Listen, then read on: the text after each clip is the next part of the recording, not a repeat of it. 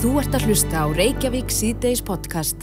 Nú er uh, já, árið bara svona að renna af stað og það er bara held ég fylgifiskur uh, hvers nýs árs að uh, fólk, já svona þeir sem kannski hafa ekki verið mikið í, að stunda líkansrækt Já. það allavega svona kannski er með aðeins meiri kvata svona í byrjun ás, maður setur sér markmið og, já. og svo er líka bara, er stundum sko ég reyfi mig mikið en mér finnst alveg stundum svolítið erfitt að koma mér í ganga eftir eftir hátíðarnar Já, já, það er, þú ert ekki einu það. Nei, maður er búin að vera svona eitthvað að borða unnarkjötvörur og, og reykt og alls konar og svo er maður aðeins þingri Já, á sér sko þegar maður fer aftur og, og byrjar að reyfa sig. já, já. Og ég tala nú ekki um alla þessar 10.000 Íslendinga sem eru núna í einangrun og, og kannski ekki eins mikið að reyfa sig þar. Reyndar veit ég að það eru fjölmarkir sem að, að já, slá ekkert slöku við í reyfingunni þó þessi einangrun. Mm Mhm. -hmm. Sumir eru hefnir að vera með heima gym og ég veit ekki hvað og hvað. Já, En í dag fóru af stað nýjir þættir á lífinu inn á vísi.is og þessir uh, þættir byrja heitið Reyfum okkur saman og þetta eru einfaldar æfingar sem hver sem ekki getur gert heimi á sér og þú þarfst ekki að eiga sko backpressu, back og, og, og róðravél til þess að geta tekið þátt en það er hún Anna Eiríksdóttir þjálfari sem að stýrir þessum þáttum og hún er á línunni, kom til sælana Sæl og blessuð, gamla heyri ykkur. sömu leiðis en eh, segðu okkur aðeins frá þáttunum Já, þættirnir eru þess að 15 mínútur og þetta verða 15 þættir og þeir verða bara mjög fjölbrettir og þetta eru þættir sem að henda í rauninni bara öllum sem hafa helsu til. Það getur hver og einn bara stjórna sínum hraða og álægi, ég útskýra æfingarna vel, ef æfingarna eru meira krefjandi þá gef ég valkosti. Þannig að þetta eru bara þættir sem að allir geta fyllt eftir heima í stofu hvena sem þeim hendar. já. Þetta er svona kannski dálítið eins og bara heimaleikum mín var hérna í, í ríkisúttarpin í gamla daga. Akkurat, þetta er svolítið svona, þetta er eins breytti tímar og ég minna, eins og þau voru að segja, eru tíust manns bara akkurat núna í sót hver einangrun og það bara er ofslega gott að hafa einnig möguleikan á því að geta hreift sér heima og margir búinir eins og þau sögðu, koma sér upp veist, heimagimmi og sumi bara elska að geta hreift sér heima á móti þess að fara í ræktina, þú veist, það er bara er ekki snilt. Já, en oft er það sko kannski hausn á manni sem maður þarf svolítið að eiga við til þess að koma sér stað heima í stofu.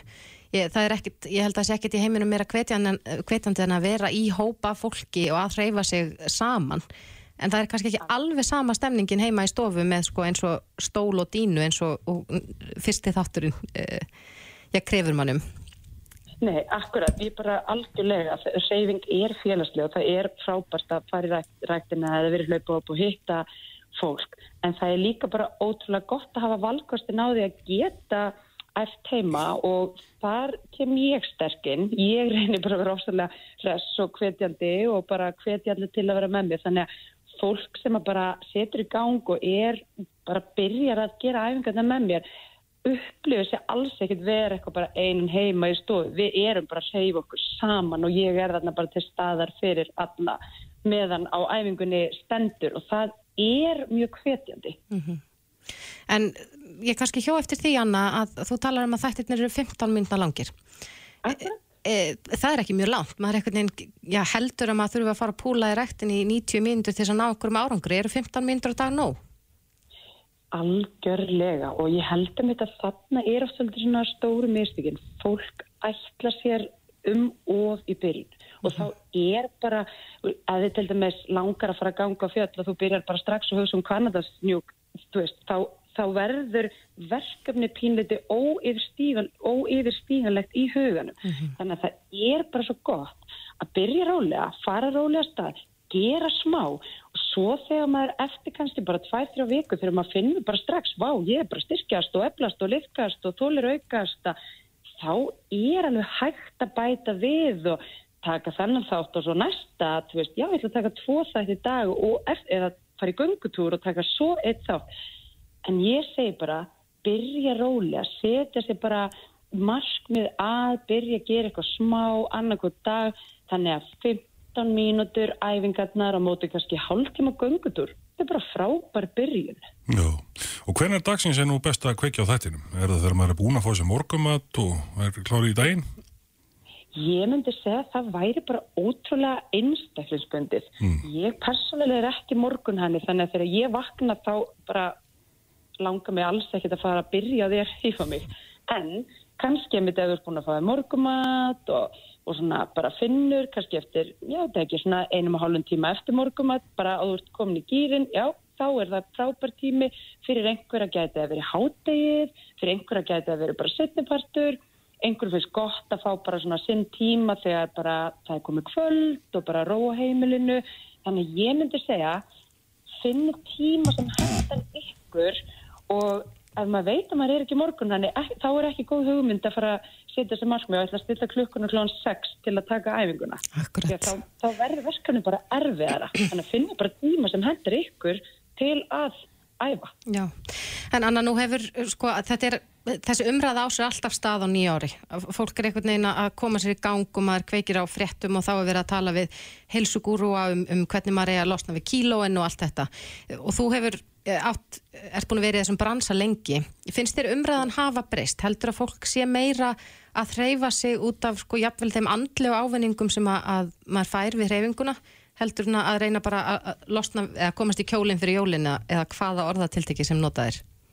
Já, veist það sem betur fyrr þá finnst mér um, umræðan komin á svona pínu eðlilegri stað með þetta og fólk er meira heldur bara að fara að, ég veit ekki, bara að fatta að það er svo mikilvægt að reyfa sig bara fyrir hilsun og ekki bara þessa líkamlu veljan sem að fylgir því að reyfa sig, heldur ymmit þessa andlegu velja að reyfing gerir bara svo mikið fyrir okkur og í mínum huga snýst þetta ekki um kíló eða ummál, þetta bara snýst alls ekki um það. Þetta snýst miklu meira um að reyfa sig fyrir sig, fyrir heilsuna, geta gengið fjöld, uh, reyfa sig þannig að maður bara geti hlaupu eftir börnum eða barnabörnum eða gengi upp stiga eða það er það sem skiptir miklu meira máli, bara svolítið svona til að geta að lifa lífinu til þess ídrasta og þess að litluleitinir í daglegu lífinu bugir mann út af því að maður er kannski bara í svo liðlegu formi. Mm -hmm. Já, ég held að þetta sé nú heldur betur kvartning fyrir fólk að kíkja inn á vísi.is uh, og finna þar, reyfum okkur saman. Fyrsti þátturinn er styrkur og liðleika, ekki sett? Algjörlega og ég bara svo segja, ég hvet bara alla, bara alla landsmenn til að reyfa sig, setja sér markmið, uh, reyna að finna sér reyfingu sem að hverjum og einum þykir skemmtileg því að við eigum, þetta er hilsun okkur og hilsun okkur er bara dýrmætasta sem að við eigum við þurfum bara að hlúa ótrúlega vel aðinni. Þannig að já, ég segi bara koma svo, allir að reyfa sig. Glæsilegt. Anna Eiríksdóttir, þjálfari, takk kærlega fyrir þetta og til hamingju með, með fyrsta þáttin. Já, takk kærlega sem er leið. Þú ert að hlusta á Reykjavík C-Days podcast. Við kannski snúum okkur aðeins að öðru heldur en COVID og bólusetningum og öllu því sem er í gangi í samfélaginu. Já, hvernig væri það? En það eru sveitarstjórnarkostningar í vor mm -hmm. og það stefnir allt í að það er verði nokkuð spennandi hérna í höfuborginni. Já, það er alltaf búið að vera spennað sístu daga svona meðan eh, Dagur Björgetsson var að gera upp við sig hvað hann alltaf að gera. Já, hann var undir feld en uh, nú er búið að svifta höluna af því að hann er búin að ákveða að gefa aftur kost á sér og Dagur Björgetsson, borgarstjóri Reykjavík borgar, er á línunni, kom til sæl. Komið sæl, gleðilegt ár. Já, gleðilegt ár.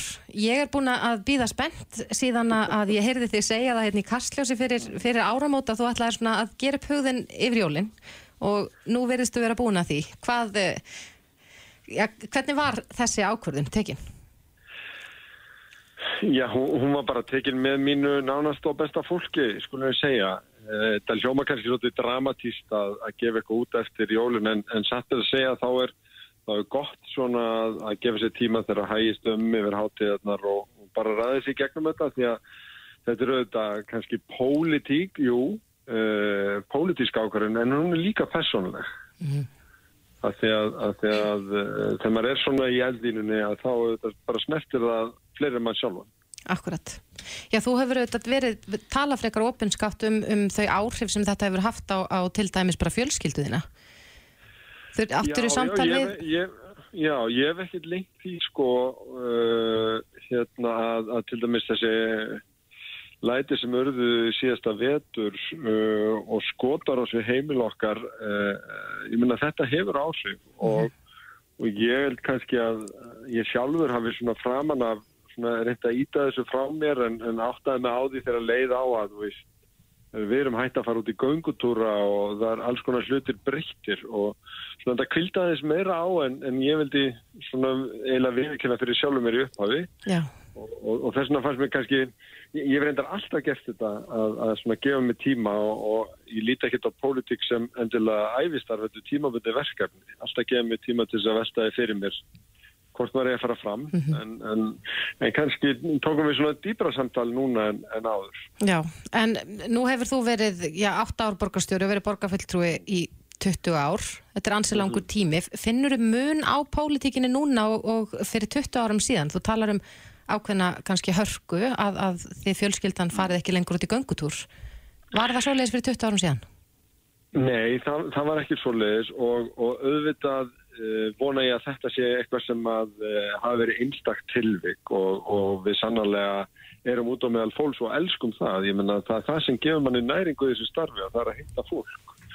en, en sko ástæðan fyrir því að ég verið að tala svolítið um þetta er að við eigum þetta samfélag saman og, og, og við setjum svolítið hvort öðru leikreglunar í því hvernig maður haga sér og, og mér hefur fundist að vera svona aðalsmerki í þessu samfélag sem við tölum saman í höfnhæð, við förum í sund og röpum í hitabottunum eða, eða tökum hvert annað tal út og gött og ég vil að ég vil vera borgastur í þannig borg og, og það er örug borg og það er góð borg. Og, og hérna þannig að, að svona e, hluta af þessu e, er eitthvað neginn að ég finna að ég er mjög mikla ástriðið fyrir þessum verkefnum og mér þykir alveg gríðalega vænt um Reykjavík og mér finnst hún vera að þróast í mjög jákvæða og skemmtilega og spennandi átt. E, þannig að, að, að það vóðu þetta líka þúnt að, að verkefnin eru ótal mörg og þau eru á mjög góðri leið en, en mér finnst ég ekki vera búinn. Nei.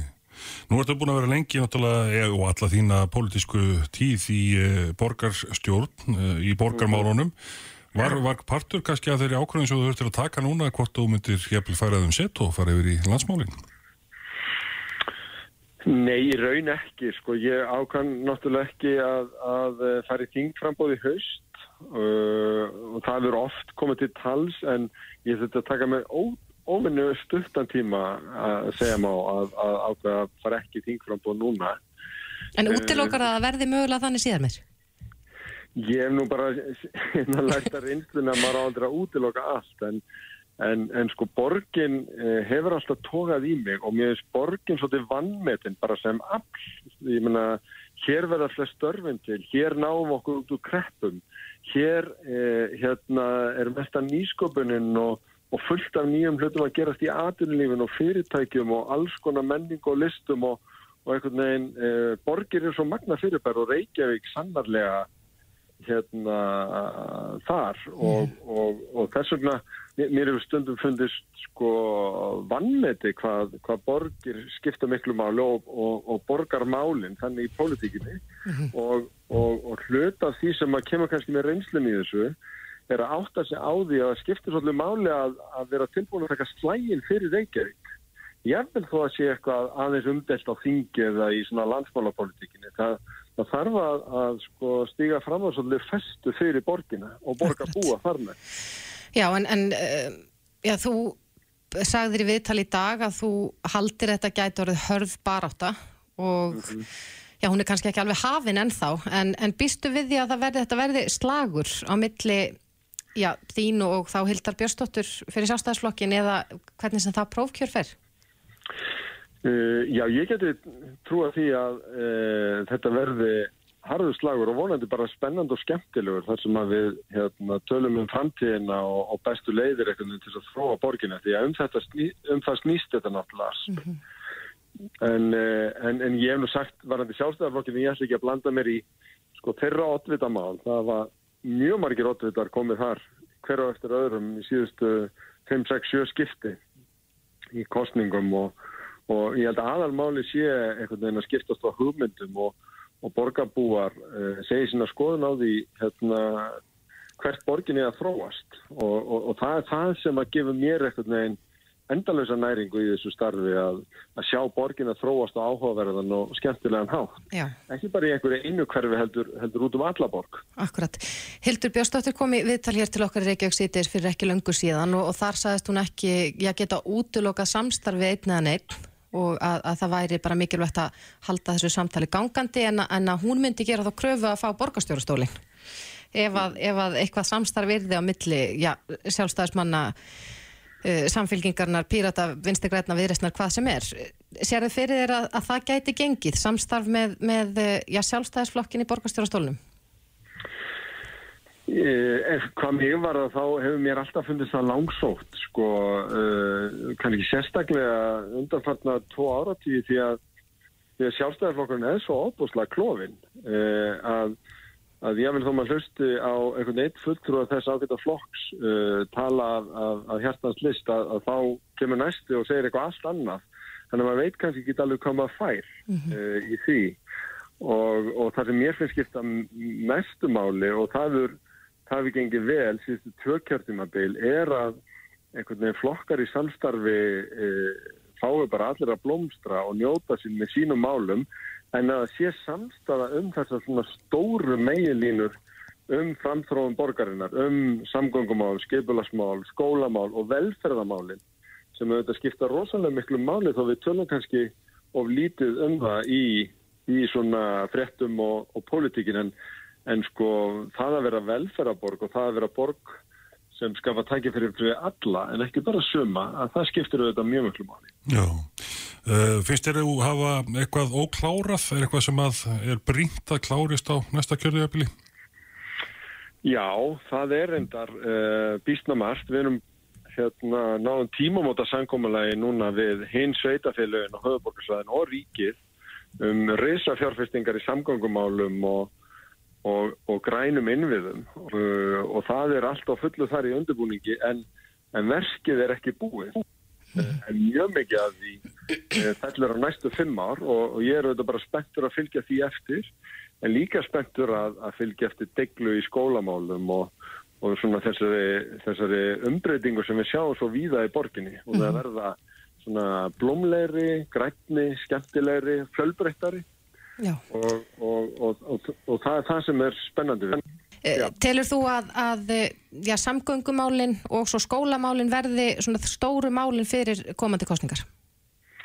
Ég helstu átökin uh, í svona einni pólitísku umræðu hafa verið um samgöngumálin, um borgarlínu, um svona þessar stóru línur í þróun. Ég hef talað fyrir því að, að miklabraut uh, eigi að vera neðajarðar að hluta í stokk þannig að verði skemmtilegur og, og róleri umferð á yfirborði og, og eins sæbrautin og að, að allir hafi hagsmunni af því að efla almenni samgöngur, ekki bara þeir sem að vilja nota strætó eða borgarlínu, heldur líka þeir sem ætla að halda áfram að kera bíla og, og um þetta hafa verið svolítið skipta skoðunir og, og ég meina þetta er eina af stóru spurningunum fyrir kostningarnir í vor, það er alveg klárt. Akkurat. Já, það verður spennandi að fylgjast með þessum slag. Við skulum vona að hann verði, já, drengilegur. Já, Dagur Bjægersson, borgarstjóri. Takk kærlega fyrir þetta. takk leiðis. Þetta er Reykjavík C-Days podcast. Reykjavík síðdeis á bylginni heldur áfram. Við uh, höfum fylst með því hér í dag hvernig fólk hefur verið að streyma aðnir í lögadalsvöll Jú. en bólusetningar barna á aldrun 5 til 11 ára hófust í dag og ekki bara hér, heldur líka um allt land Jú. en uh, já, svo sem að stýrir þessu skipi er Ragnhjóður Óskar Erlendsdóttir frangatastjóri hjúgrunar hjá heilsugjastlunni á höfuborgarsæðinu og hún er á línunni, kom til sæl Ragnhjóður Já, komið í sæl. Hvernig hefur gengið í dag? Byrjum á því Heyrðu, ég held að hafi bara gengið alveg ljómandi og bara framar, bara, já, björnustu vonum held ég. Mhm. Bæði hvað var þar upplifin barnana, mér sýnist það, það er hérna, þeir ofsalega stolt og, og hérna, kátt eftir, eftir bólusetninguna og svo bara líka fjöldin. Það er bara tölvert meiri fjöldi heldur en við byggumst við. Já. Og það var náttúrulega heilmikið hólum hæg, voru ekki þarna ræningarnir þrýr úr Jú, Kardímóbanum? jú, jú, þeir, þeir komi hér og rændu og ruppluðu og letu öllum ítlum látum en, en bara komi brosi á varir barnana. Já, já. Það er mikið búið að ræða um bólusetningar barna á undarförnu og, og umræðan já, getur valdið já, reynilega óta hjá foreldrum ofta tíðum. Heldur að, að, eh, já, að fólk almennt, foreldra barna á þessum aldri séu að, að taka bara meðvita ákvörðum það að mæta og, og treysta á, á vísindin og, og ykkur sérfræðingar í þessum efnum? Já, okkur sýnist það. Um, sko, við Íslandingar við erum mjög hérna, dögulega að láta bólusetja bönnur okkar bara yfir höfuð. Og mér sýnist þetta ekkert vera neitt öðruvísi. Og fólk svona einhvern veginn já, kemur hér bara og fá nokkuð jákvægt og mikið að báði fóreldrar að koma með og, og við erum að bólusetja fóreldrar líka og heilu fjölskyldurnar. Þannig að, að já, ég held það að það er svona almennt eh, bara mjög jákvægt Já. Hversu margir, hversu mörg börn voru bólusetta? Eru þið með tölu yfir það? Við erum enn að bólusetja sko, við verðum hérna alveg til klukkan 6 í dag því við lengdum í tímalínunni og, og ferðum þetta þannig eftir hátegi þannig að við erum enn að bólusetja, við erum komin vel yfir þúsund þannig að, ég veit ekki hver talan endar í dag. Nei. já.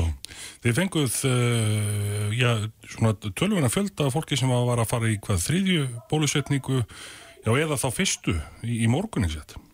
Jú, það var allt hérna fylltist allt hér klukkan 10 Já, að því við ákvaðum að hafa svona opna línu opið hús frá 10 til 12 fyrir svona bæði óbólusetta og, og þá sem væri komnir á tíma í örfun en við bóðiðum engan en það voru bólusettir hérna þúsund manns fyrir hátíð hérna millir 10 og 12. Já.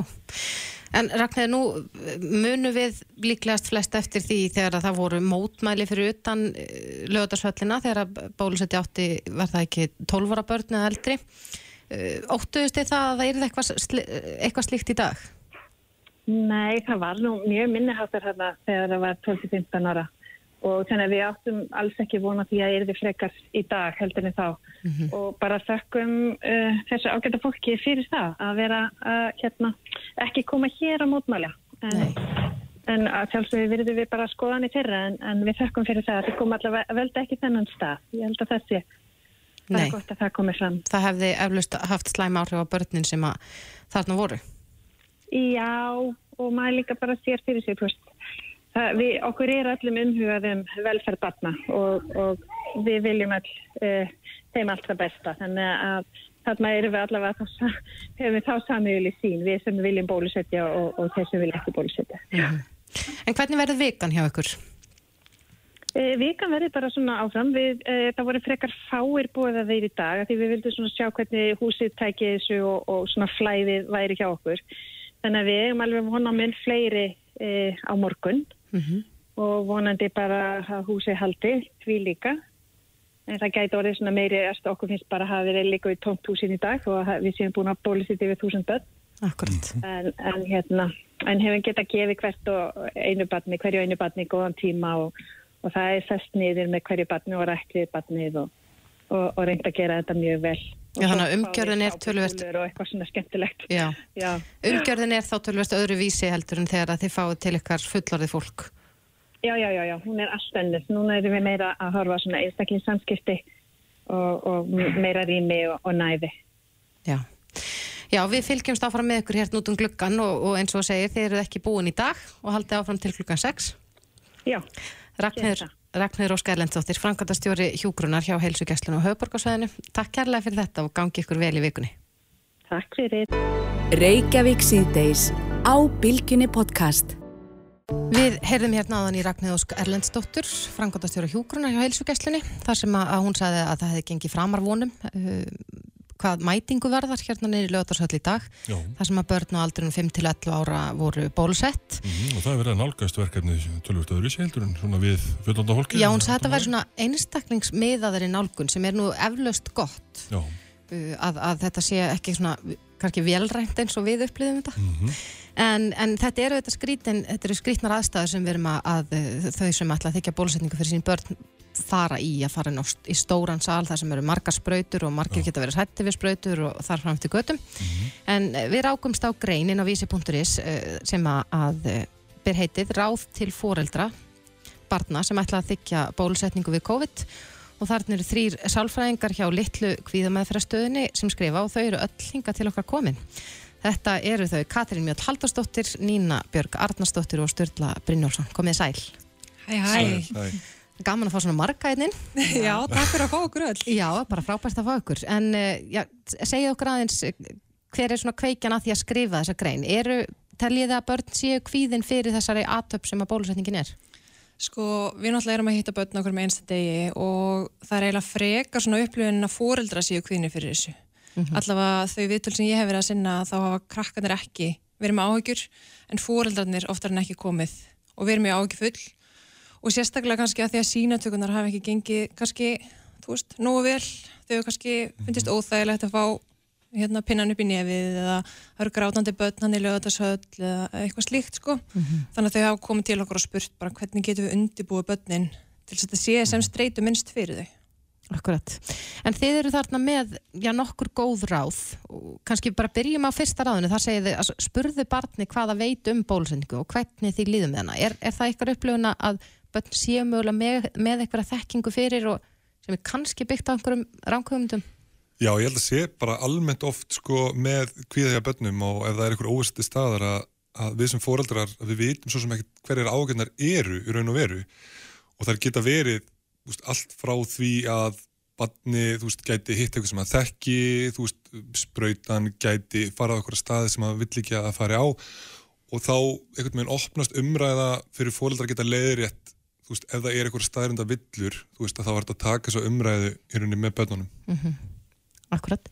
Ef við fara bara beinustulega í næsta ráðið, eða hvað? Já. Þar talið um að, að útskýra fyrir barninu, af hverju foreldrinu þykir mikilvægt að fá sprautuna. Er það stór liður í þessu? Já, í rauninni bara kannski að útskýra það uh, út frá þroska barnsins og aldrinum, að kannski að koma með einhverja svona líkingu eins og kannski að þetta er eins og vera með hjálm þegar maður er hjóli, þá erum við kannski að draga og líkum á að maður stórslasa sig ef maður myndi detta eða eitthvað svo leiðis að þá erum við að reyna að verja okkur uh, að einhverju leiti fyrir þessari veiru sem að verum að kljóst við. Þannig að Akkurat. En, en snýst þetta í grunninn um bara að eiga samtal við börnin? Já, algjörlega og passa líka að hafa í huga þú veist þegar barni er að lýsa ágjum að, að, að vera ekki og að maður er svo snöggur að grípa á að því maður vill alltaf einhvern veginn hjálpa barninu og láta það líða betur að það er ekkert endilega markmið að barnir byrja að lýsa ágjum yfir einhverju og að þú veist við þurfum ekki að segja þú veist þetta verður alltaf lægi, þú þarf ekki að hafa neinar ágjur þú myndi ekki með það neitt. Þú veist það er nóg að segja bara já ok, veist, ég get ímyndum mér að vera ágjur af þessu og allt það þannig að ég held að það sé rosa mikilvægt. Mér finnst þetta frábæð punktur að því að sko, við sem foreldrar erum kvíðin fyrir því að þau sé að fara í sér aðstæður. Og ég lasi mitt greinina hérna, hjá henni Ragnæði hjúknarfræðing sem þið voru að tala við áðan.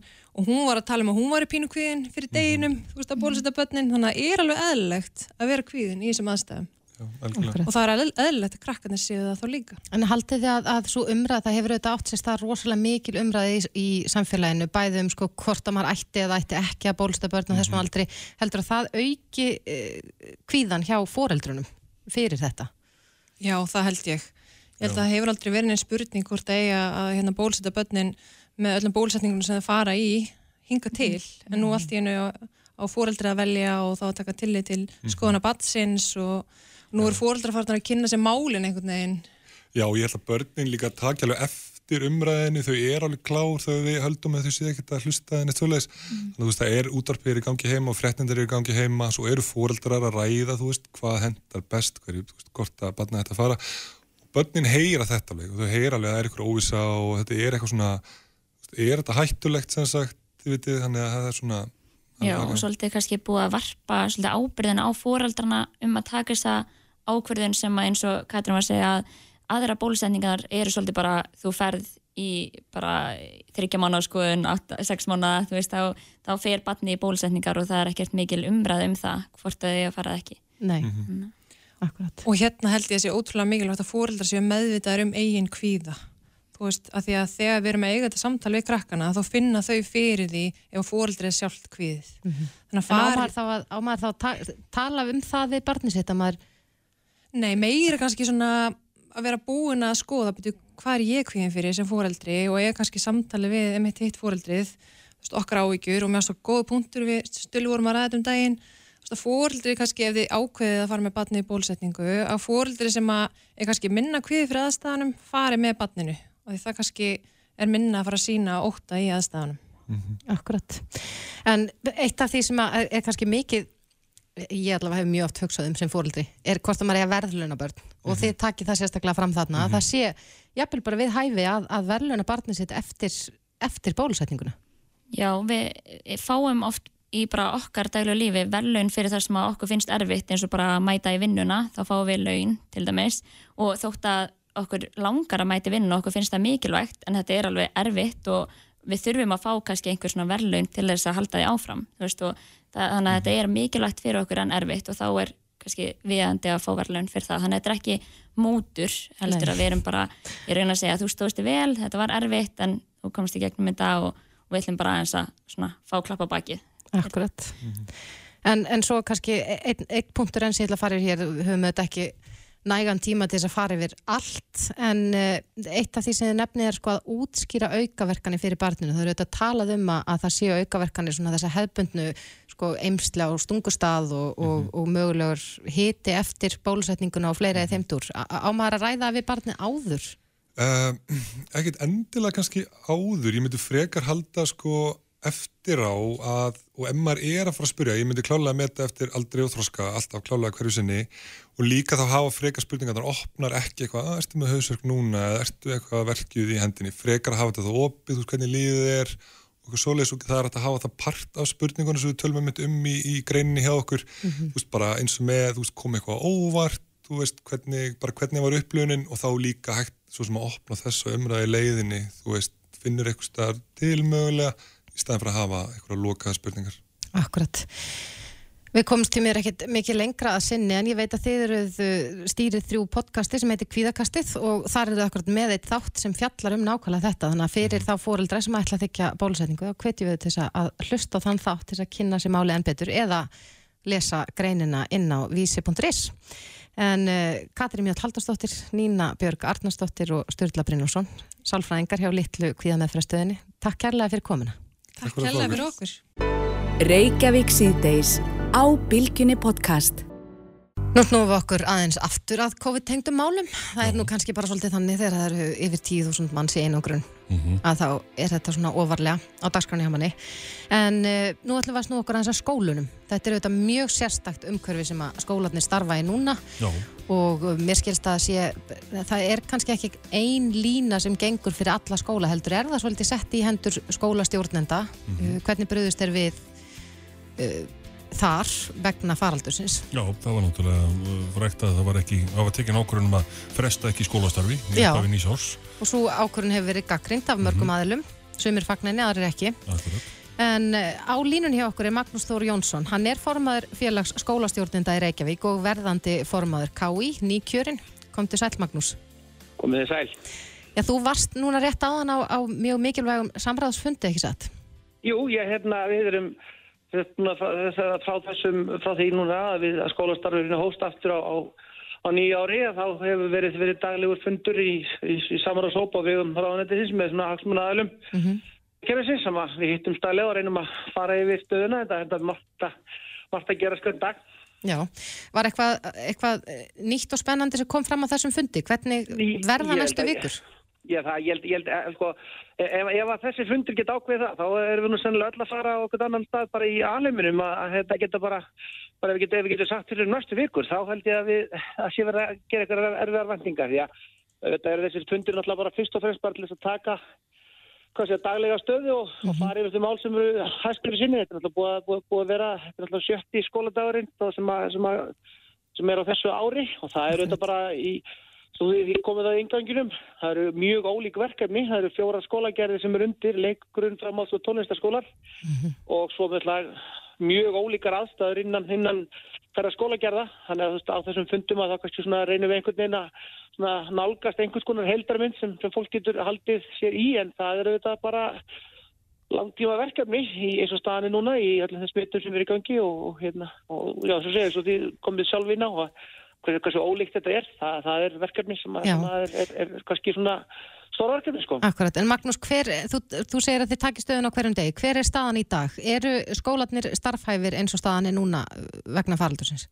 Við, við erum náttúrulega bara akkurat á þeim staðnum að, að, að eins og í gegnum allan hann faraldur, þá hittir þetta skólan mjög ólíkt við, við, það er þetta bara þannig að það, það eru ákveðna til þess ákveðna takvarkarnir í gangi sem, að, sem að eru mjög mismunandi útfarðar og bara út frá skólagerð og, skólastarð það finnir sömu skólar ná bara býstna óskertu starfi í þeim, þeim samkominn takvarkunni sem er í kildi núna meðan aðrið þurfa að skerða mögulega uh, stóran hluta á, á, á, á sínum skólum bara út frá hópastarðum og, og húsnæðis aðstæðum sem eru hverju sinni, bara í Reykjavík er það til dæmis mjög ólíkt bara eftir skólum. Uh, það er auðvitað búið að vera þannig að það hafa verið mjög mörg, bara eins og í samfélaginu öllu, hafa verið mjög mörg koma upp og það er mikið álag á skólastjórnendum varandi smittrakningu sem við, við þurfum að, að vinna á annan veg heldur við verðum að gera. Því að það hefur mikið álag inn, í skólana og ofan á það að skipulegja skólastarf frá degi til dags að, að, að þurfa svo að grípa inn í þegar það eru uppkoma smitt. Þannig að staðan er mjög missum, ég veit alveg af því það voru leikskólar sem að, sem að verðu að, að hérna, loka á hátegi á þessu daginn allavega hindi í borginni og ég veit að skólar hafa þurft að senda heim á hópa og verða að skerða sitt skólastarf til þess að bregðast við þessum, þessum takmörkunum sem er í gangi. Og ég held að það sé bara mjög mikilvægt að, að allt samfélagið átti sig á því að þannig verður þetta meðan við erum með fleiri hundru smitt og meðan við erum að, að, forma, forma uh, verkefnið fyrir okkur. Um, ný, nýjasta kannski umræðinni er, er, er útvarsla á, á vinnusótkví og ég, mér, ég vona það að það verði, við berjum gæfu til þess að andun í maðan skólasamfélagi meðan við áttum okkur á þeirri stöðu sem þar er uppi. Það er uh, mjög, hvað sé það, það, það er... Það, er nýtt í stöðunni fyrir okkur öll og það held ég að skipta bara ótrúlega mjög máli að menn, menn fari mjög varlega meðan að, meðan að við erum átt okkur á, á, á þeirri stöðu því að þegar að koma inn í atrið inn í hennan þessu baróttu eins og, eins og það, það þessi vinnusóttkver að koma inn þá held ég að við eigum að læra af reynslunni og fara hægt og varlega inn í það hvernig við ætlum að vinna svolítið sluti þannig að við, við náum fram þeim, þeim megin markmiði sem er lögð á okkur sem er það að viðhalda skólastarfi. Já, hvernig er smittvörnum háttað innan skólana? Er það kannski mísjönd? Er grímuskylda í einhverjum skóla, skólana? Ja, grím, grímuskyldan gildir að, að, að, að stórum hluta hjá, hjá hérna, fullotna fólkinu og náttúrulega alfarið í framhaldsskólanum. Framhaldsskólinn hefur náttúrulega verið meira og minna í, í grímuskyldu bara svona likku við með liklum hlíu frá upphæðu farandasins meðan að það hefur ekki verið, verið, verið það bara hefur ekki tekið upp í yngri árgöngum grunnskólans mm -hmm. og nýri leikskólanum og það sem við höfum bara vilja hafa, hafa samskiptin með öðrum hætti Já. og það er auðvitað eitt af, eitt af, eitt af bara mörgum atröfum sem hefur auðvitað verið, verið hluti af, af þessari, þessari löngu umröðum COVID við hefum getað nýtt, nýtt þá hluti sko. Já. Ég á börn sjálf á tveimur skólastegum og, og það hefur verið já, mikið póstaflóð frá skólastjórnundum, bæði varandi smitt og smittgátt og, og sóttkví mm. og, og fáliðin og hvað eina. Mm -hmm. Er þið bjart sín á að, að þetta gangi, svona ef maður horfir á næstu vikur, að, að það sé hreinlega hægt að halda út í skólastarfi með góðum hætti og meðan að smittin eru svona mörg eins og raunber vitni? Ja, sko, við, við, við, sko, við, við erum bara á þeim staðnum að bara lifa frá degi til dags í skólunum og, það, og það, það er bara þannig sem það er að, að, að það er það hefur kannski, alveg má segja, með stuttum hljöfum verið frá uppafið þessa, þessa verkefnis verið bara þannig að við höfum svona, hvað sé að reglulega talið okkur verið að koma inn okkur lignan sjó og svo höfum við dottið niður aftur mm -hmm. og þetta er það náttúrulega núna framöndan við höfum ja, bara, bara, bara fylgjast með fréttum hjá ykkur og fleirum að þá er það náttúrulega bara það sem, sem sóttvarnalegnir og, og sóttvarnalegnir og almannavarn hafa talað um er það að þetta sé launglota núna og ég hef alveg sagt það áður að, að, að það er komin Það, við, við, við erum, erum orðið þreytt, þetta er, þetta er verkefni sem við hefum tekið á í samfélagi sem að vill helst vera skipulagt og vera að ná að mynda sér langtíma skipulag og, og kennarar og staðfólksskólana eru, eru allir af þeim staðnum að, að vilja horfa til lengri tíma. Þá, þá reynir þetta á og við bara uh, horfum bara til þessum að myrna, nýjasta sem að Sóttanlæknir hefur sagt er það að hann tellir sér sjá einhverja vendingar um það að að, að toppnum sé náð og við séum kannski að færast niður á við og svo erum að líka meldingar að það að mögulega sé omikron að þessu vægari útkafa þannig að við, við erum eins og bara allir í samfélaginu vongóður um það að, að, að það sé að gerast. Mm -hmm. en á móti höfum við líka frá fyrsta degi bara verið að vinna í umhverfið sem, sem við höfum þurft að hérna, já, taka begjur í allar áttir. Og þetta eru við líka svolítið núna að hérna, reyna á fókusir á það við erum, þetta eru langtíma verkefni og við höfum ágjur að því að að, að, að mm, svo það, það, það, það er óhefbunna starf og það er fjárvisti sem hafa verið frá námi barna á öllum skólastöðum sé eitthvað sem að e, þessi langtema verkefni sem við þurftum hérst að fara að komast í. Akkurat. það eru margar blíkur og lofti og, og endalösi boltar sem verður hent til okkar þannig að, Já, að við fengum Já, við fengum hérna, við opnum fyrir síman hér fyrir þættunum og, og hlustendur ringdu inn og þar var nú tala mikið um skólan og kannski að fyrsta sem ég langaði að nefna er að, að það ringdi inn konu og sagði að barnabarnið sitt hefði vext af COVID, hún er í mentaskóla og að hún fár hennilega skróp fyrir að það sé ekki veitt svigrum innan skólakerfisins til þeirra nefnda sem að, já, smitast af veirunni. Er, er þetta rétt? Nú, það nú það er algjörlega vonlist fyrir mig að svara fyrir einstaklega aðrið, en ég, ég held að það sé bara mjög mikilvægt að, að öll svona álitarnir sem, sem er að koma upp núna inni í, í þessu, þessu óvanilega ástandi sem hefur verið, mm. að þá skiptir bara mjög miklu máli að, að, að öllum svona boltum sé veldu og það er auðvitað það sem að þessu samráðsvettangur hefur svolítið verið að horfa til að það verði þetta aðeins að marka kannski svona einhvern veginn skýrar samstarf og stefnu í þessu öllu. Það er alveg augljóst mál að, að, og við getum ekkert litið fram hjá því að við, við erum eftir þetta langan tíma að þá eru, eru komna krefjandi spurningar um bara eða allt er tengið skólastarf. Hvort sem það er eitthvað kennurum og starfsfólki skólana varðandi okkar hugmyndum um, um, um grunn, grunn, sko, grunn skipila skólastar sem við viljum alltaf halda upp í öllum, öllum skólagjörum er mentun að við þurfum að verðum hana. Og þá eru alls konar hlutir sem koma upp sem að, sem að bara skiptir máli að taka umræðunum þannig að, þannig að, að sko við erum stóra haga aðila í öflunni sem eru börn og bara einstaklingar sem er, er, er, er að menta sig Akkurat. og það er alveg klart mála við, við hefum eftir að, að segja líka þegar skiptir máli áttum okkur að líka þegar við verum loksins búin að vinna fullna sigur í barðinu við COVID að þá skiptir mjög mjög máli að við að við komum inn í, í mentakerfið okkar á öllum stöðum og þann hátt að við getum unnið okkur í gegnum stóru viðfánsefni sem við höfum þurft að leysa hérna dag frá degi mm -hmm. með svona, já, komið litla reynslu og bara svolítið að hlaupa út í, hlaupa út í vindin. Sko. Já, en Magnús, nú hefur sko, þetta COVID ástand staðið yfir í, í tvö ár, það stittist nú í tveggja ára amali COVID hér á Íslandi sem er leiðinleg staðrind en, en þó staðrind og það var bent á það áðan hér í símantímanum að, að það ringti hérna ja, kennari sem, sem að, að mentarskóla kennari og hann saði að það hefði ekkit verið gert í tæknimálum eða það að þjálfa kennara í fjarkenslu e, hefur það setið á hakanum að reyna að koma kennslunu meira yfir á, á fjarkenslu til þess að hægt sé að halda út í skólastarfi til dæmis á, á mentarskólastíði Hérna ertu akkurat að tala um alveg risaverkefni. Mm -hmm. Það er bara þannig að, að, að þessi, þessi bardagi allur í, í samvættu við mentamál hefur einmitt svolítið tekið beiginn beigin og það, menn hafa viljað ræða alls konar hluti sem að, sem að tengjast fjár, fjárkensli og, og mörgum hlutum. Við erum bara, vorum, þegar COVID byrjaði, það voru alls ekki tilbúin sem heilt samfélag, vissulega voru skólar, öllum skólastöður sem höfðu náð ákveðnum árangri og ákveðin sveitafélög og ákveðin skólar sem höfðu kannski tekið ákveðin skref og bara, við getum hort þar kannski á framhaldsskóla sem hafa kannski allt frá uppa við sína daga verið verið að meða því að, það, að staðnám sé ekki svona kjarni þeirra þeirra, þeirra vinnu. Mm -hmm. eh, almennt séð um, um, á, á skólastöðunum og hvað þá leikskólanum og tónlistarskólanum og grunnskólanum, þá við að ganga út frá því að staðnám sé það sem við höfum unnið eftir. Það er klárt mála að tækja kostur hefur verið mjög misjafn í skóla, öllum skólagerðunum og, og það, það þýtti þetta að við gátum ekki bara svissað yfir eins og kannski umræðan var svolítið svona fyrst í stað að við getum gert.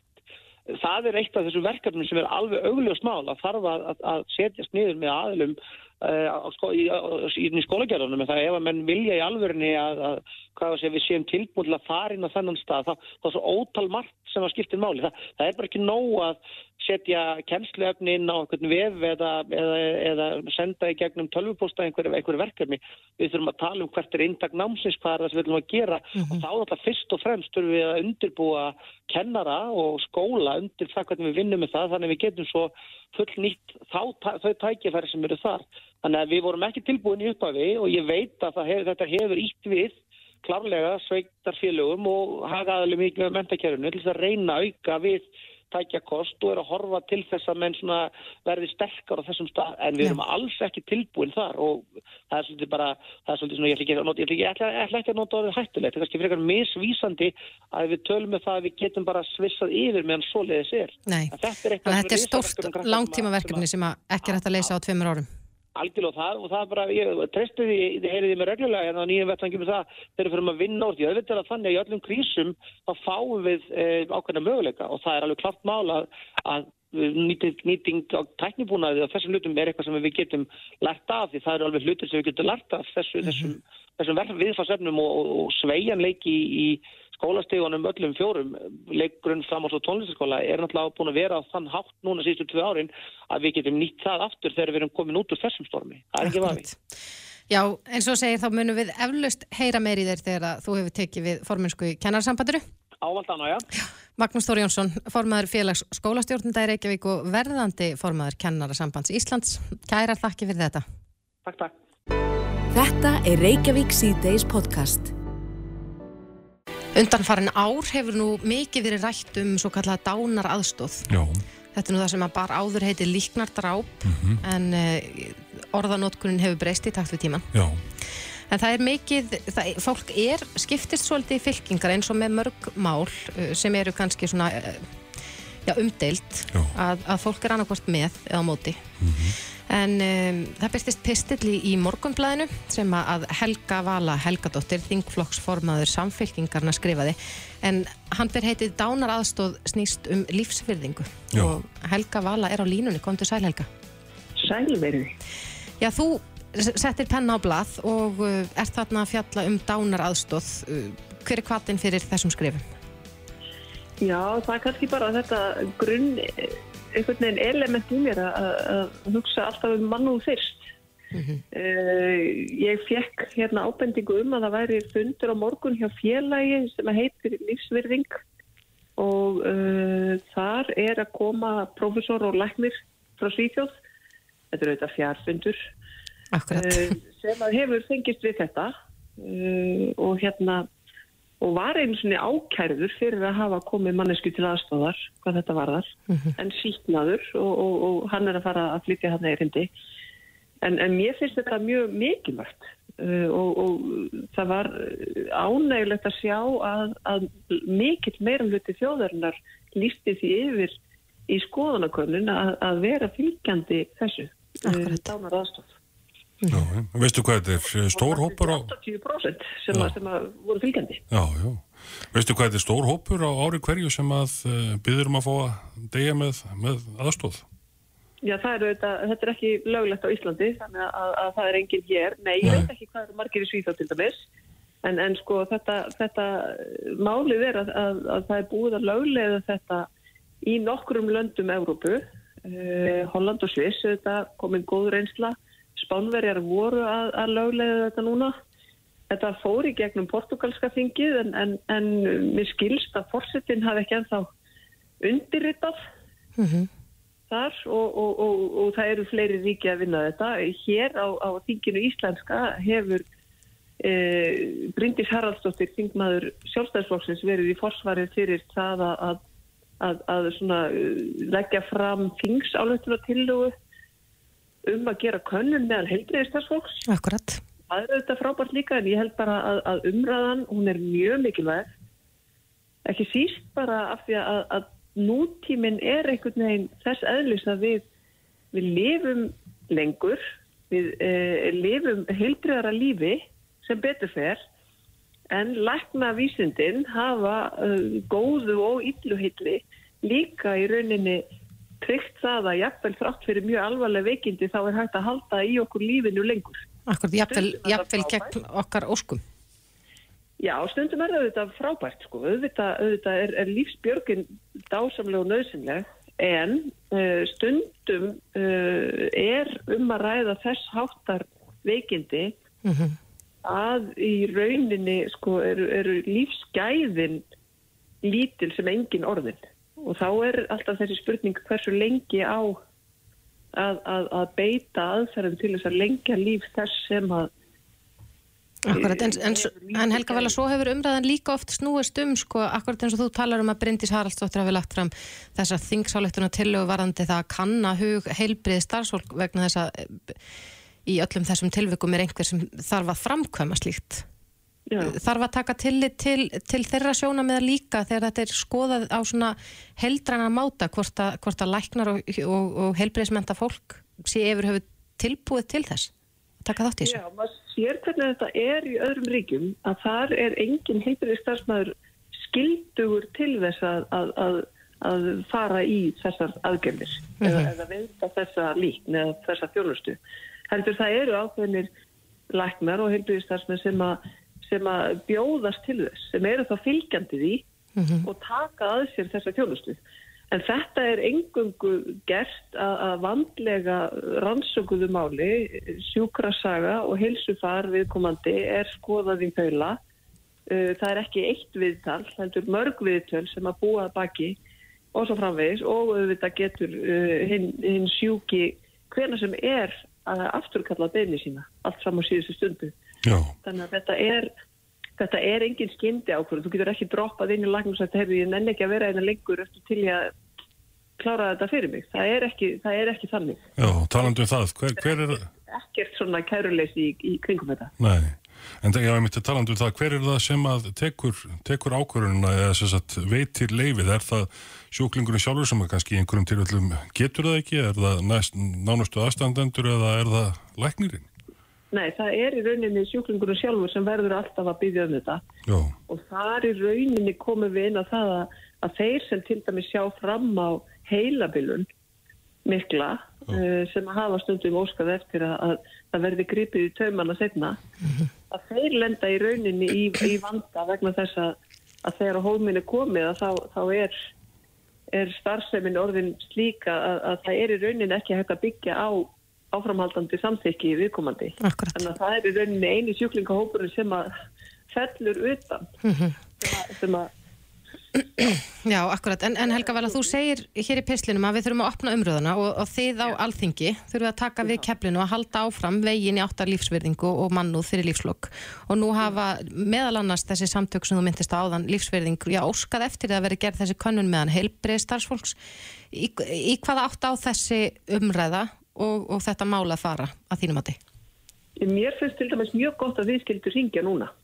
Já, Þegar þið eruð að opna umræðinu og þið eigi bara að halda henni áfram og tala við heilbjörnstæðsfólk og tala við, við siðstræðinga og tala við þá sem að málið varðar uh, auk þess að tala við þetta við okkur tala við einhvern sem að hefur mögulega reynsla því að hafa óskað eftir þessu. Það er uh, vitað um að minnstakosti einn Íslanding sem að fór til Sviss í, í, í, í leiðangur sem þennan og óskaði aðstóðar af því að í Sviss er heimilt fyrir þá sem ekki eru búsettir þar í landi á einni stofu að, að fá þessa, þessa lík. Þannig að hérna, ég held að, að öll þessi umræða, hún er bara ótrúlega mikilvæg. Já. Við erum, við, við erum býstna upplýst og sérstaklega við, ég meina, við, við erum eh, hérna þrátt fyrir öfgarnar í umræðinu okkar hér á landi, þá erum við samt mjög í upplýst þjóð. já, en, en ég velti fyrir mér, erum við eftir á, erum við einhvern veginn að, að dragast aftur úr í, í þessari þróun eins og þú segir að, að Já, við lifum tölvert lengur en við gerðum áður og þökk sé kannski bara eh, lífsgæðum og framförum í læknavísundum og, og þetta telja lengi til. En hefði þetta, mér þetta svo þessu umræða sé búin að eiga sér stað í mörg ár en, en kannski lítið, lítið þokast. Já, þetta er viðkvæm umræða. Mm -hmm. Þetta snýst auðvitað um lífið sjálft og dauðan sko. Og þess vegna er svona, þarf ákveður ekki að til að fara inn í hana. En ég held ekki að við séum endilega eftir á. Ég held að, held að við séum á sama stað og, og margar aðrar þjóðir. Þannig að ég, ég held að þetta sé bara mjög tímabært núna uh, og, og eins og ég sagði með þessa, með þessa könnun sem gerð var held ég hjá maskinu. Mm -hmm. Það kom í ljós að það var bara yfir nefandi stuðningur. En, en hefur, já, viðhorf okkar breyst? Já. Þekkir það hvort að, að sko, þessar kannanir hafi verið, já, öndverið meði fyrir einhverju síðan? Já, allavega hefur aukist enn frekar stuðningurinn. Mm -hmm. Það var tæplega, tæplega 70% fyrir nokkurum árum og er núna komin rétt undir 80%. Ég veit ekki hvernig, hvernig stuðningurum var það, hvort það var spurt út í þetta fyrir 15 árum. Sko. Akkurat. Já. En, en ég bara, af því að það er stundu talað um yngripp sko, að þetta sé yngripp læknavísindan, að það er ekki að vera með yngripp inn í lífið, en, en ef maður horfir á svona þetta yngripp, ég menna hvað eru hvað eru læknis meðferðir annað en yngripp inn í lífið. Við erum jú alltaf að, að lækna fólk og, og, og hérna og það, þannig að það er svona spurning sko hvort að það eigi að, að vera að gefa degjandi mannesku pensilín við núnabóku. Akkurat. Það eru þetta ákveðið yngripp. Já. Ég veit það ekki. En já, eins og þú segir, umræða er mikilvæg og, og við skulum halda hennar lofti ásamt þér vonandi á þinginu og bara að virðingu, bara mannvirðing virðing fyrir lífinu og virðing fyrir þessu öllu. Já. Lífsgæðið. Helga Vala Helgadóttir, þingflokksformaður samfélkingarinnar. Takk kærlega fyrir þetta. Takk fyrir. Hlustaðu hvena sem er á Reykjavík C-Days podcast. Við rákumst á Facebook pistil sem má segja að hafi farið ansi víða. Já. Það eru fjölmarkir búin að deila þessu áfram. En þarna er uh, kona sem er deildastjóra á bráðmátökunni að, að uh, já, óska eftir fleiri liðsmunum. Það vantar hjúgrunarfræðinga á bráðmátökunni í Fossvegi og er þarna að deila uh, starfsauglisingu frá st- stjórnaræðinu. Já, þarna fylgir mynd af glaðlegum hópi. mjög glaðlegum hópi og ég held að þetta sé kannski svona, við auðvitað heyrum mikið af fréttum af landsbytalunum og staðan er mjög erfið og nú er búið að líðs yfir sko neyðast í almannavarna í landinu út af COVID-faraldrinum og, og já, fréttir er ofta á þann dúra að, að þarna sé allt eh, mjög erfitt. Já. en það þýðir ekki að, að starfsandin geti ekki verið góður og það geti verið hreinlega bara mjög gaman í vinnunni Á línun hjá okkur er svo sem skrifaði þetta og deildi þessari mynd Helga Rósa Mástóttir, deildarstjóri á bráðmótöku. Kom til sæl Helga. Sæl. Já, er það ekki rétt? Þó að, að það séu erfiðir, erfiðir tímar undanfærin tvö ára, er þá dundrandi stemning á bráðmótökunni? Já, svona yfirleitt sko. Það er hérna, alltaf segir sér sjálft að það velst bara harðduglegt og jákvægt fólk á bráðamáttökuna þannig að starfsandin er oft bara ansið góður sko. Þrátt fyrir mjög erfiðar aðstæður. Já. Verði þið vör við á bráðmóttökunni, sko, hefur þessi umræða sem er oft í fjölmjölum og í samfélaginu um, erfiða stöðu á landsbytalum, hefur hún áhrif á ykkur? Já, ég held að við höfum nú ekki síst verið kannski þau sem hefum jafnvel byrðið það umræði Mm uh, sem að segir okkur líka bara að þetta er fólk sem hefur áhyggjur af sínum skjólstæðingum Akkurat. en hérna en stendur vel saman og eins og ég segi, fólki sem að ákveður að vinna á bráðamáttöku þetta er fólk sem að finnst gaman að kljást við erfið mál og þegar það sér vandamál þá hugsaður það ekki uh, hér er svo stórt vandamál ég get ekki fengist, tekist á því að heldur hugsaður það hvernig á ég að leysa þetta Mm Lausna með að fólk. mjög svo Akkurat. En hefur ykkar starfsumhverfi breyst mikið á undanförnum tveimur árum? Nú hefur ítrekka verið talað um það að fólk ætti ekki að leita bráðmótökuna fyrst að fara á heilsugjastluna eða mögulega lækna vaktina áður en að komið er til ykkar. Hefur þetta breyst? Já, ef við horfum sem síðustu fimm ár þá hefur þetta breyst gríðarlega. Eh, Það hefur fækka þeim sem að í rauninu ætti að leita fyrstu helsugjastluna. Fólk hefur gert það í miklu vera mæli, fara að bynda á helsugjastluna. Aftur á móti bara er þjóðina eldast og sjúklingar lifa lengur og er með fjölþættari vandamál þannig að það eru bara veikari einstaklingar sem að leita til okkar og þurfa meiri hjúkrun og meiri aðlýningu og þurfa frekar að leggjast inn á spítalan og, og komast þar í pláss sem eru bara á, af og skortum skamti þannig að okkar stærsta vandamáli kannski ekki hvað segir maður svo gamla slis og heldur það er frekar svona þessi hérna veikari hópur Já. sem að þarf, þarf frekari úræði Akkurat. Um, þegar þið, uh, og þú ert að auðlýsettir uh, fleira fólki, er, er þú sem dildastjóri oft erfitt fyrir þig að, að manna vaktinnar? Já, það er bara mjög stór áskorun okkur um einasta degi Og telur að staðan sé svipuð á, á öðrum deildum spítalans eða er Já, þetta... ég veit að hún er svipuð öðrum deildum spítala svo jafnvel verri á sömum stöðu Já. Og margir fannir jafnvel í sótkví eða, eða, einangrun úr þínum hópi? Ég reyndar er staðan ágætt akkurat í dag en að myndi jólum nýjast þá voru hérna 15 starfsmenn í sóttkví og mann ekki hvort voru 7 eða 8 starfsmenn í einangrun þannig að en svo eru við bara heppin kannski akkurat núna en þetta breytist mjög hægt. Hér eru mjög margir starfsmenn sem eiga börn í leikskóla og skóla og þurfa þá að vera heima ef að, ef að börnir lendi í sóttkví en, en hérna, þessi, þetta, það breytist hægt dag frá degi. En eins og kemur fram að það, þá eru þið að auðlýsettir eftir fólki, fleira, fleira fólki. Hva, hvað er það sem að fólk þarf til? Það, það þarf eh, vissulega einhverja mentun, en, en hvernig, er, hvernig er staðan á því? Ég sko, hjá mér, eh, ég er svona, það eru hjúkrunafræðingar og sjúkrarlegar sem að mér vantar hérna bæði, bæði hjúkrunafræðingar og sjúkrarlega og, og væri mjög gaman að fá umsóknir frá hérna skemmtilegu og hæfi fólki. Síðan vinna líka hérna sérhæðir aðstofamenn og það þarf í rauninni enga uh, sértaka mentin fyrir það starf. En við erum svo sem ágætlega sett þar en, en, hérna, og með ágætlega sem stráði í stuðgildin þar. og svo eru móttökuritarar og það er sama, það er fullar áðið í stöðu gildar. Það er helst sem vantar, það eru sjúkrarleðars og hjúkrarfræðingar. Já. En Helga Rósa, það er nú uh, gömul saga á nýja að það eru þetta mikið álag á, á bráðmóttökunni og hefur verið lengi. Hefur staðan eitthvað batnað, hvað varðar sko útskriftir inn á aðrar deildir eða mögulegar uh, já, tilfærslur á fólki? Það gekk vel hérna við hátíðarnar. Mm Og, og, en hérna nei, það voru tæplega 30 sem byrði eftir einlöfni morgun. Akkurat. Og hvað eru mörg rými? Eða sérst, hvað eru mörg rúma á bráðmóttökunni? 36 hérna neira henni. Já, Og við tökum á móti svona 100 manns á dag. Það er svakalegt. En, en hefur svo tala eitthvað breyst? Mm, hún er, nei, hún er svona 80 til 100 og er svona suma, það er rúmlega 100. Mm Og efri hæðinni sem er þessir sem eru kannski svona minna veikir og slasa, það er sama svona 80 til 100 þar á dag. Akkurat.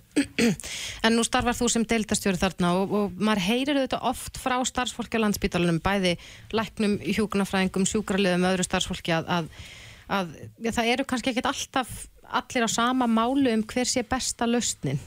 Uh, Hvað er brínast sko að þínu mati að verði gert til þess að bæta ástandið?